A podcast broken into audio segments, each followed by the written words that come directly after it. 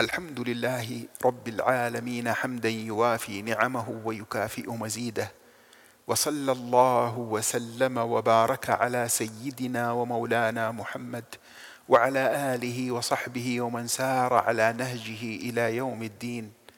وما زلنا في هذه المجالس المباركة أيها المريد في جزئها الثاني والحديث كما يعلم من يتابع ومن يحضر حول العقبات السبع التي تعترض المريد السائر إلى الله سبحانه وتعالى في طريقه عندما يقصد الوصول إلى الله جل جلاله وهي عقبة العلم وعقبة التوبة نعم وعقبة العوائق وعقبة العوارض وعقبة البواعث وعقبة القوادح.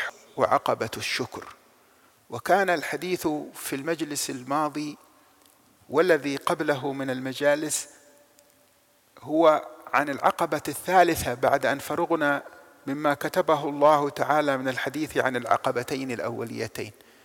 وتحدثنا في الحديث عن العقبة الثالثة العوائق عن أربعة من العوائق وهي الدنيا والخلق والشيطان والنفس. وما زال الحديث عن النفس وكنا نقول بأن التقوى هي ملاك تزكية النفس ووقاية شرها ودفع إعاقتها صاحبها عن الوصول إلى الله عز وجل. ومر الحديث عن تفصيل في مفهوم النفس وفي مراتبها. وفي حكمة الله عز وجل من وجود الهوى ومن وجود الغرائز التي ترتبط بالنفس فتميل بها يمنة ويسرة. ووصلنا إلى الحديث عن حفظ الأعضاء على أنه أساس في التقوى لله عز وجل. ومر معنا الحديث عن حفظ البصر في الحلقة الماضية. وذكرنا أن الله سبحانه وتعالى قد أمرنا بغض البصر قل للمؤمنين يغضوا من أبصارهم ويحفظوا فروجهم ذلك أزكى لهم. إن الله خبير بما تصنعون. مر معنا أن في هذه الآية تأديب وتفهيم وتنبيه ووعيد ترهيب وتهديد. وبقي فيما يتعلق بالعين أن غض البصر عن المحرمات التي ذكرنا أنها النظر بشهوة إلى الجنس الآخر أو غيره وأنها النظر بالتكبر والاحتقار إلى خلق الله عز وجل وأنها النظر بعين التعظيم للدنيا.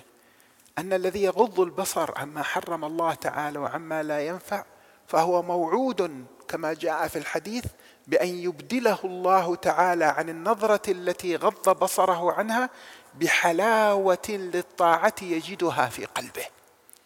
وهذا من فضل الله سبحانه وتعالى. ويأتي الحديث في هذا المجلس عن السمع واللسان عن الأذن واللسان. لكن قبل الشروع في الحديث القلب في هذا اليوم ينبئ عن سرور عظيم وفضل كبير من الله عز وجل حيث تشرفنا في هذا المجلس المبارك بقدوم رجل من خير خلف لخير سلف من بقايا السلف الصالح وهو سيد الشيخ محمد حجي حفظه الله تعالى من كبار علماء داغستان.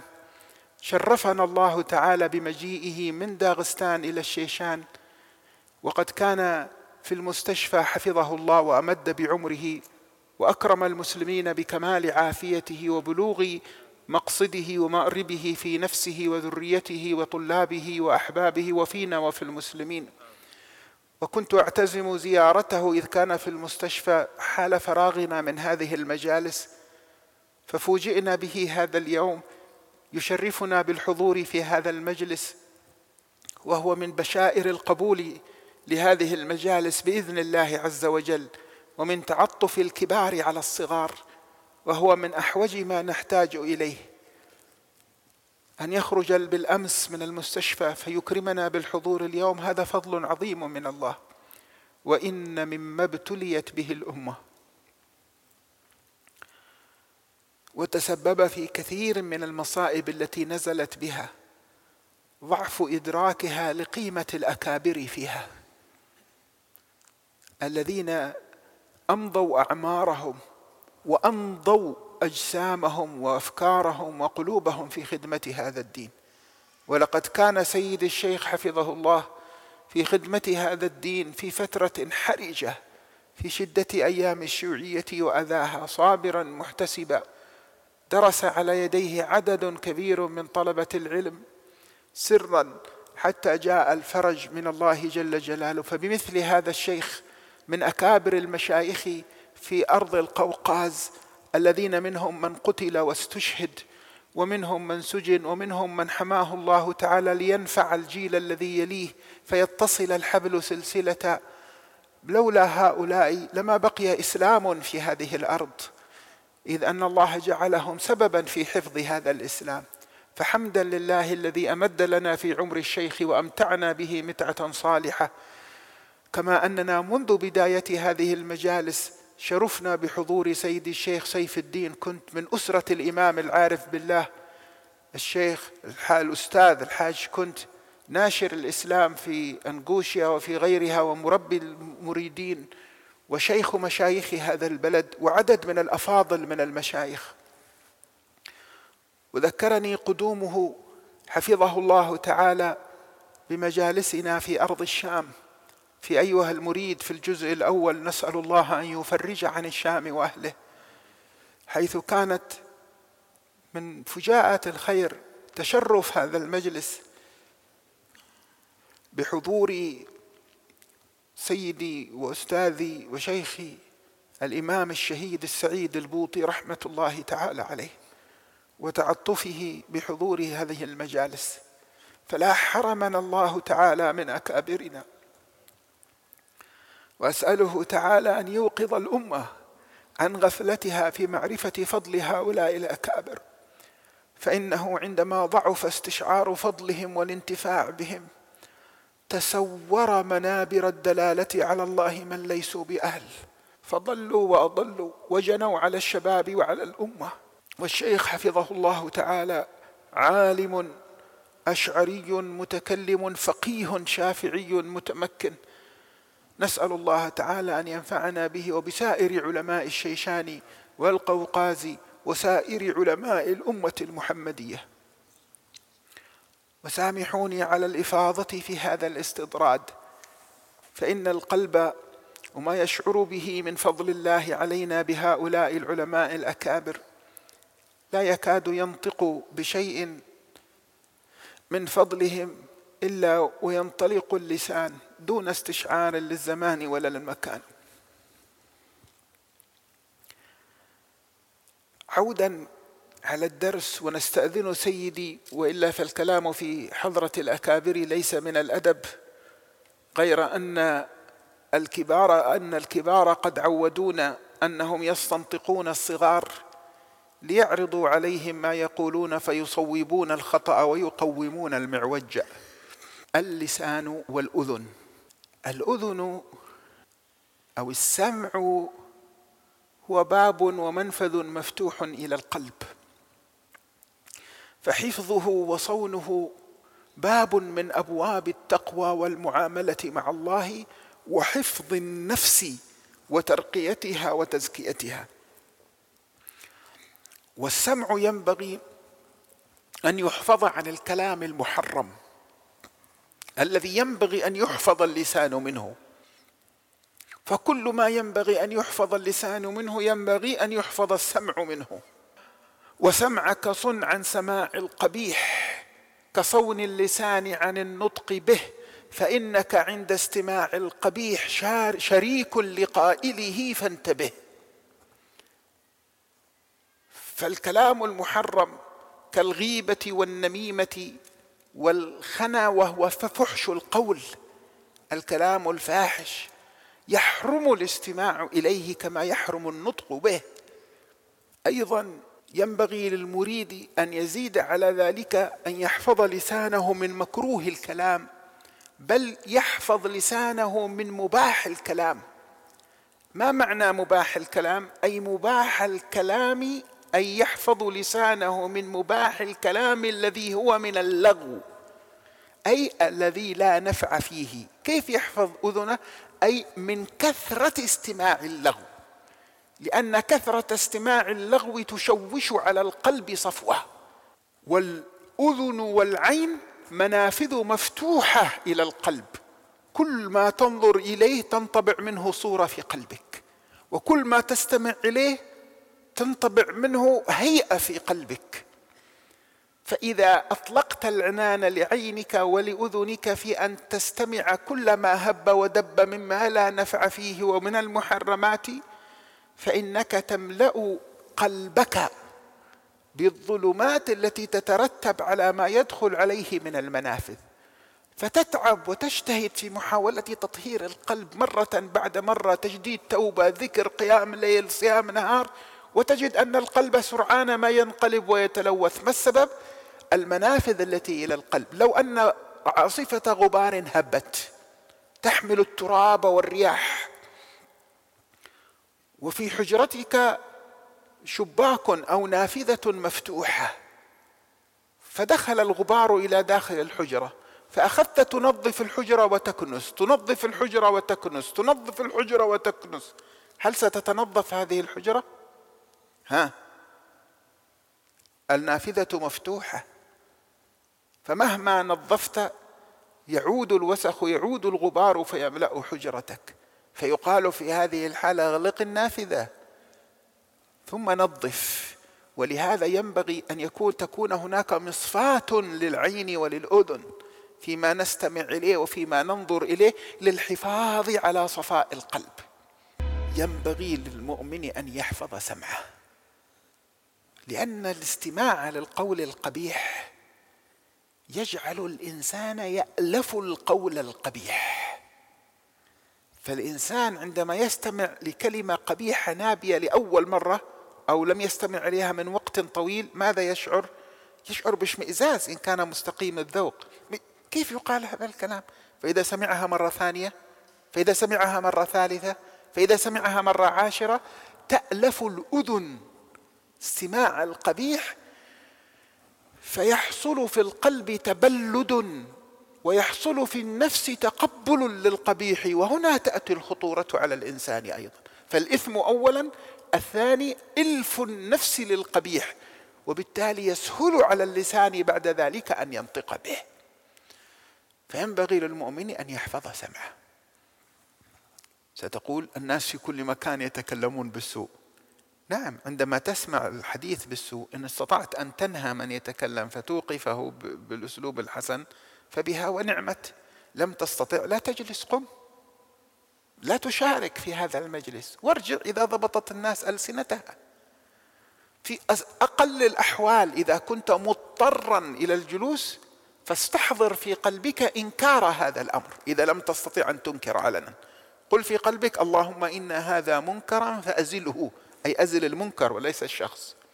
أقل أقل المراتب عند عجزك عن التقويم والتنبيه أو حتى الانصراف لاضطرارك إلى الجلوس. المهم يبقى في قلبك معنى الرفض لسماع الكلام القبيح. والعضو الثالث وهو اللسان. واللسان من أخطر الأعضاء الحسية ومن أشدها تأثيرا أيضا. لأنه كالثعبان.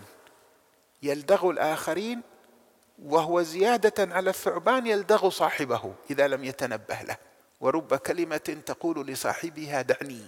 وكما أن للعين شهوة في النظر فللسان شهوة في النطق.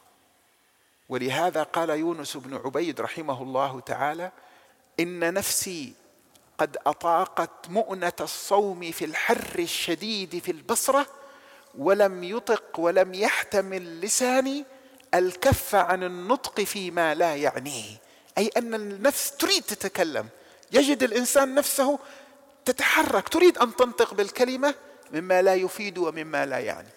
ولهذا ينبغي للإنسان أن يضع ميزانا على لسانه. يتحذر اولا من محرمات النطق. الغيبة. ما هي الغيبة؟ ذكرك أخاك بما يكره صادقا. يعني تتكلم على إنسان في غيابه بأمور شخصية تتعلق به هو لا يحب أن يذكرها أحد أو فيها أذى له أو فيها إساءة إليه وأنت صادق هذه اسمها غيبة. أما إن كنت كاذبا فاسمها بهتان. فإن كنت كاذبا فقد بهته إن كنت صادقا فقد اغتبته. وإن كنت كاذبا فقد بهته والغيبة شديدة الإثم قبيحة الحال. مع كثرة انتشارها بيننا حتى أن الله سبحانه وتعالى شبهها بأكل لحم الإنسان الميت ولا يغتب بعضكم بعضا أيحب أحدكم أن يأكل لحم أخيه ميتا فكرهتموه؟ جعل الله الغيبة التي باللسان وهي ذكر أخاك بما يكره في غيابه صادقا. جعلها كأكل لحم الميت فكيف بذكر هذا الأمر كاذبا؟ إذا كذبت عليه وبهته. هذه الغيبة وهي لا تصح ولا مبرر لها إلا في إطار محدود جدا.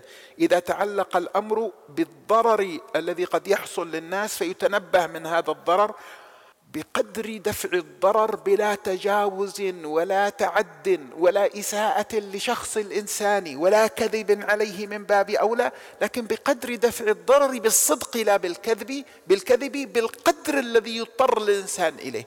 أما إطلاق العنان العنان للسان أو بالظن أو بغير علم فهذا من أخطر ما يكون. ولا يعذر الإنسان في انطلاقه بالغيبة ضد إخوته لمجرد أنه سمع كلاما لم يتيقن منه فالتثبت من الدين. أيضا من آفات اللسان النميمة. ما هي النميمة؟ في بعض البلدان يخلط الناس بين النميمة والغيبة. ففي اللهجة العامية مثلا في مصر يطلقون على الغيبة نميمة. يقول حنم عليك يعني نغتابك. لا النميمة في اللغة العربية وفي المصطلح الشرعي النميمة والقت القت. هي نقل الكلام بقصد الافتتان. تأتي لشخص فلان قال عليك كذا وكذا. فيهيج. ثم ثم تذهب للآخر. فلان قال عليك كذا فتفتن بينهم. النميمة هي نقل الكلام بقصد الافتتان وتسمى أيضا القت قاف تال القت وفي الحديث لا يدخل الجنة قتات. أي حتى يدخل النار والعياذ بالله من ذلك. أيضا من آفات اللسان الكذب. وهو الإخبار بغير الواقع. فالغيبة ذكرك أخاك بما يكره صادقا. النميمة نقل الكلام بقصد الافتتان. الكذب الإخبار بغير الواقع. والكذب مناقض لطبيعة المؤمن. إنما يفتري الكذب الذين لا يؤمنون. يجبل المؤمن على كل خصلة إلا الكذب والخيانة. فالكذب من المحرمات الكبرى لأنها تخرج الإنسان عن حال الإخلاص في المعاملة مع الله. الذي يألف الإخبار بغير الواقع الذي يألف الكذب اولا يفقد آدميته ثانيا يفقد معنى الإخلاص شيئا فشيء ثالثا يجني عن على المستمعين بكذبه أو يجني أيضا على من يتحدث عنهم بكذبه. وحتى المعاريض التي أباحها الله عز وجل وجاء في النص إن في المعاريض مندوحة عن الكذب أي أن تخبر بكلام يتوهم المستمع قصدا خلاف الذي تقصده. ها حتى المعاريض لا ينبغي أن تكون إلا لحالة ضرورة.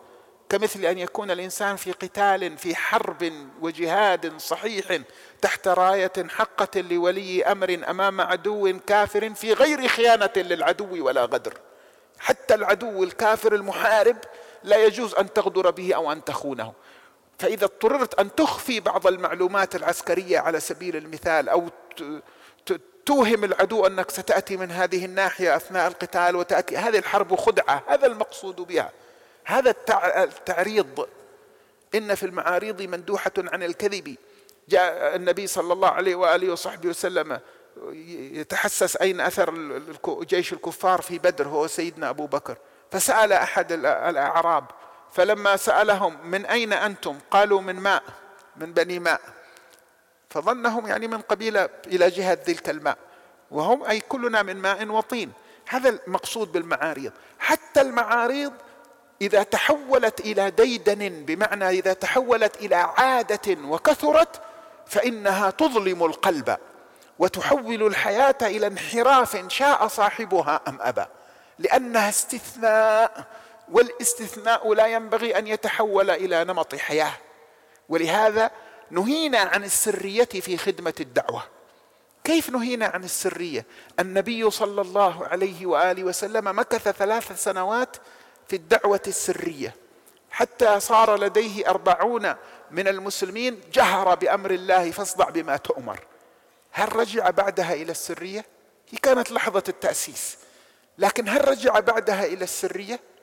بالرغم أنه تعرض وأصحابه إلى الأذى وإلى البلاء وإلى الهجوم وإلى التعذيب وإلى القتل فكل ما يمكن أن يبرر الإنسان لنفسه أن يعيش حياة سرية فيما يتعلق بشؤون عمله ومعاملاته كان الأولى بها دعوة رسول الله صلى الله عليه وسلم.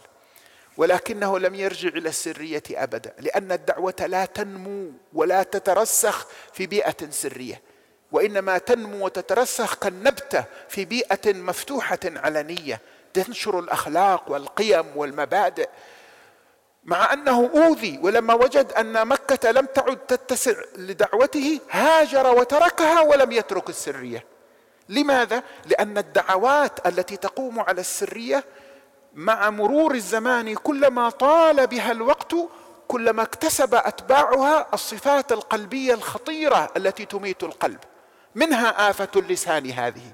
يعتاد أن يكذب لأنه في حال سري يخبئ ويكذب ويخدع ويأتي بالمعاريض. فيخرج عن طور الصدق في معاملته. يضطر أن أن يتنازل عن منظومة الأخلاق في العمل إلا في حال الاضطرار الشديد شديد الشديد متعلق مثلا بالعلم. هنا كان في في بلاد آه، جمهوريات الإسلامية في الاتحاد السوفيتي سابقا كانوا يضطرون إلى طلب العلم في السراديب أو يخرجون إلى الجبال. هنا المسألة قتل مباشر وهو طلب علم. لم تكن جزء من حركة دعوة عامة. أما الدعوة العامة لا يتأتى أن تكون إلا من خلال الظهور لحفظ الأعضاء عن النطق بالحرام. لحفظ القلب من أن يألف الكذب والغش والخديعة فينطبع الإنسان يصبح طبعا بعد ذلك لا يستطيع التخلص منه حتى لو ظهر بعد ذلك على الملأ. وحفظ اللسان أيضا من المكروهات. ومن مكروه القول ومن مباح القول الذي لا يفيد من الإكثار. لا أقصد مطلق المباح الإنسان لا يكون أعجم لكن مطلق الكلام الإكثار من المباح المطلق. قال الإمام الغزالي رحمه الله لأنك ينبغي أن تتنبه إلى شيء. ما هو؟ قال أنت كل كلمة تنطق بها تكتب ما يلفظ من قول إلا لديه رقيب عتيد. فإذا أكثرت من الثرثرة فأنت تشغل الملكين الكريمين الكاتبين بأن يكتبوا كلاما فارغا في صحيفتك. أنت لك قيمة كبيرة عند الله. لك قدر عالي عند الله. من من علو قدرك وعظيم قيمتك عند الله أن جعل الله ملكين ليس يعني مهمتهما مدة حياتك ليس لهم شغل إلا أن يكتبوا كل كلمة تقولها. عندما ترى مسؤول كبير من أهل الدنيا في مؤتمر صحفي الصحفيين يكتبون كل كلمة يقولها. كم سيمكثون؟ ساعتين ثلاثة؟ لكن أنت منذ أن تبلغ إلى أن تموت كل كلمة تنطق بها لها عند الله قيمة يكتبها الملائكة آه، لك أو عليك. فينبغي أن يستحي الإنسان من ان يشغل الملكين بما لا فائدة فيه كما ينبغي أن يستحي من أن يرسل إلى الله كتابا فارغا. أي أنه كتاب فيه كلام فارغ. أترسل إلى الله عز وجل كتابا مليئا بالكلام الفارغ فضلا عن الكلام الحرام. لهذا ينبغي صون اللسان وعندما تحتاج إلى الكلام اذكر الله سبحانه وتعالى. اجعل التسبيح. تكلموا. هذا لا يعني عدم المزاح. المزاح بالأخلاق بالحسن التعامل النبي كان يمازح أصحابه ولا يقول إلا صدقا أتكلم هنا عن أن تتحول الثرثرة إلى طبيعة حياة إلى أنها الأصل في حياة الإنسان. هذا لا يتأتى مع السلوك مع الله عز وجل ورب كلمة تقول لصاحبها دعني نسأل الله سبحانه وتعالى لنا ولكم كمال التوفيق إنه ولي ذلك والقادر عليه. وصلى الله على سيدنا محمد وآله وصحبه وسلم وآخر دعوانا أن الحمد لله رب العالمين. الفاتحة.